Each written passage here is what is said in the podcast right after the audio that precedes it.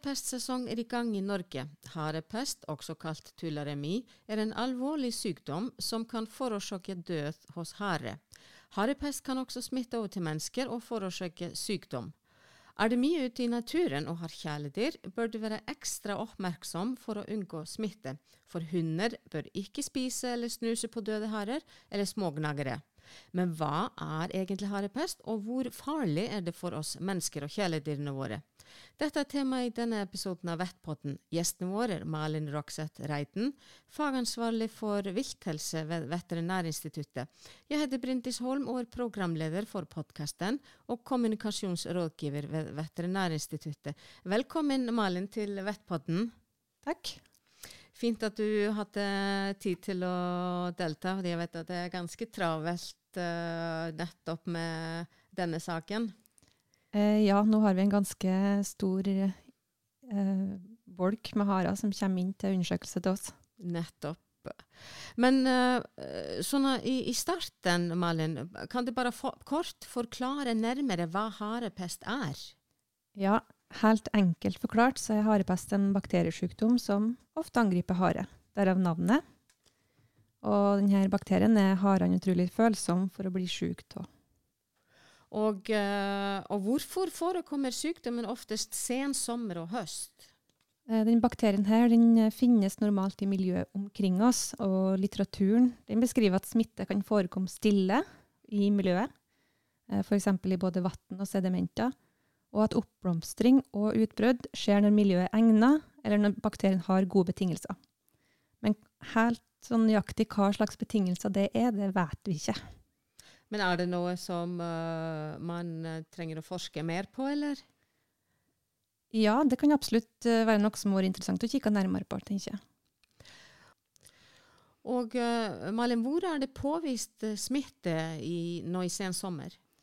De, foreløpig så er det påvist smitte hovedsakelig i østlandsområdet og i Innlandet. De her påvisningene gir kun en indikasjon på at det finnes harepest i området. Eh, jeg vet at de lokale matsynavdelingene og Veterinærinstituttet får eh, meldinger om flere døde harer i disse områdene, så omfanget er helt sikkert større enn, det vi, enn det vi vet. Akkurat. Og du var litt inne på det i starten, at det var uh, årsaket av en bakterie. Kan du fortelle oss litt mer om denne bakterien? Ja, jeg kan si at det er en bakterie som heter for Francisella tularensis. Og det er en bakterie som jeg sa, som finnes i miljøet omkring oss, som da, og som da har evne til å smitte både mennesker og dyr. Og hvordan uh, smitter dette? Den har flere ulike smitteveier. Eh, noen plasser så snakker en om smitte på land og i vann. Eh, på land så kan da bli smitta av direkte kontakt med både levende eller døde syke dyr. Eh, når vi snakker om vann, så kan vi si at eh, du kan bli smitta via forurensa drikkevann, f.eks. bekker eller brønner som ikke er tildekt. Og det er typisk hvis det ligger eh, syke eller døde dyr i nærheten av vann, som dermed kontaminerer vannkilden. Eh, I tillegg er det påvist, bl.a. i Sverige, at dyr og mennesker kan smittes via mygg og flått. Akkurat. Det, det har vi ikke sett eksempler på det her. Um, det kan nok sikkert forekomme i Norge, men hvor utbredt det er, det, det har jeg dessverre ikke noe kunnskap om. Nei. Men hvilke andre dyr eh, kan få harepest? Først og fremst er det jo hare, men, eh, og andre smågnagere er eh, utsatt for smitte. Her er det litt uklart om smågnagere òg kan være bærere av denne bakterien her uten å bli syk. Eh, Sjølsagt rovdyr som er i kontakt med syke dyr, kan bli smitta, kan bli syke. Men i og med at de er mindre mottakelige enn haredyr, så vil de ofte overleve av sykdommen. Eh, sykdommen forekommer sjelden til husdyr, eh, og så vidt jeg vet, så har vi ikke påvist sykdommen til andre arter enn haredyr og hund i Norge. Og uh, hvordan kan uh, sykdommen påvirke kjæledyr og, og, og, hunder? Hvorfor er de spesielt utsatt? Det er jo fordi at mange nå på sommeren og høsten bruker hund på tur og på jakt. Og hundene vil dermed være utsatt for smitte om de kommer i kontakt med syke dyr. Eh, eller om de drikker vann fra kontaminert eh, små dammer, stillestående vann eller andre bekker hvor det ligger avføring eller rester av syke dyr. Så da er det lurt at man er, er litt obs på, på, dette når man er på tur med hunden, for å unngå dette? Ja, jeg tenker jo at en skal bruke naturen som vanlig, men at en kanskje skal ta noen forhåndsregler. For i hvert fall de områder hvor det er påvist smitte, så bør en være obs på at hvis hunden er løs, så kan den finne døde dyr. Kanskje snus på dem, smake litt på dem, eller drikke vann i bekker hvor du ikke har kontroll på på hunden din. Da. Og hva skal de gjøre hvis, du, hvis de oppdager død eller syke hare?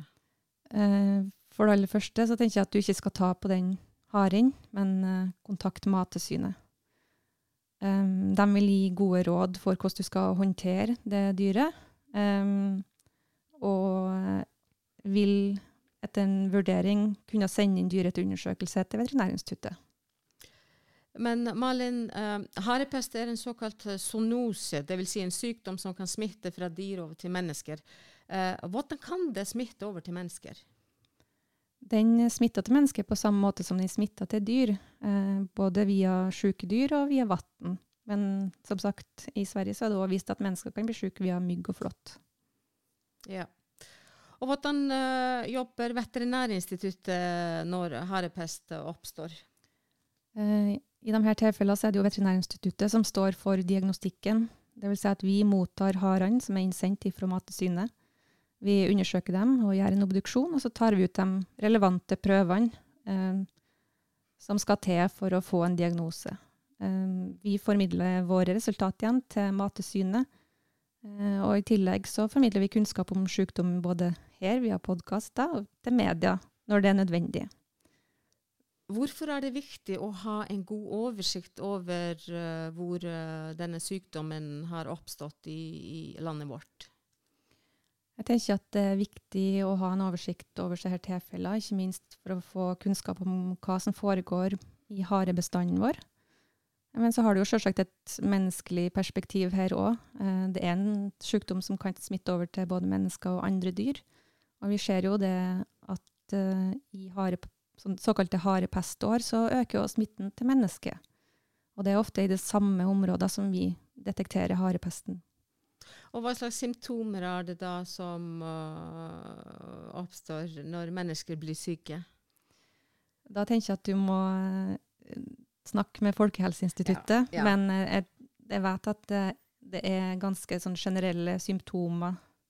Og litt som det samme som vi ser på hund, egentlig. At de blir slapp og får feber, og kanskje ikke blir så aktive som de var. Så det er litt sånn uspesifikke kliniske tegn som kan van være vanskelig å, å, å, pinpointe, egentlig. Malin Rokseth Reiten, fagansvarlig for vilthelse ved Veterinærinstituttet. Tusen takk for at du kom på besøk til Vettpodden og, og hadde tid til å prate med oss. Bare hyggelig, og takk for at jeg fikk komme. Du finner mer informasjon om dette temaet på våre nettsider vettinst.no. Husk å følge oss på Facebook. Ny episode i Vettpodden kommer snart. Thank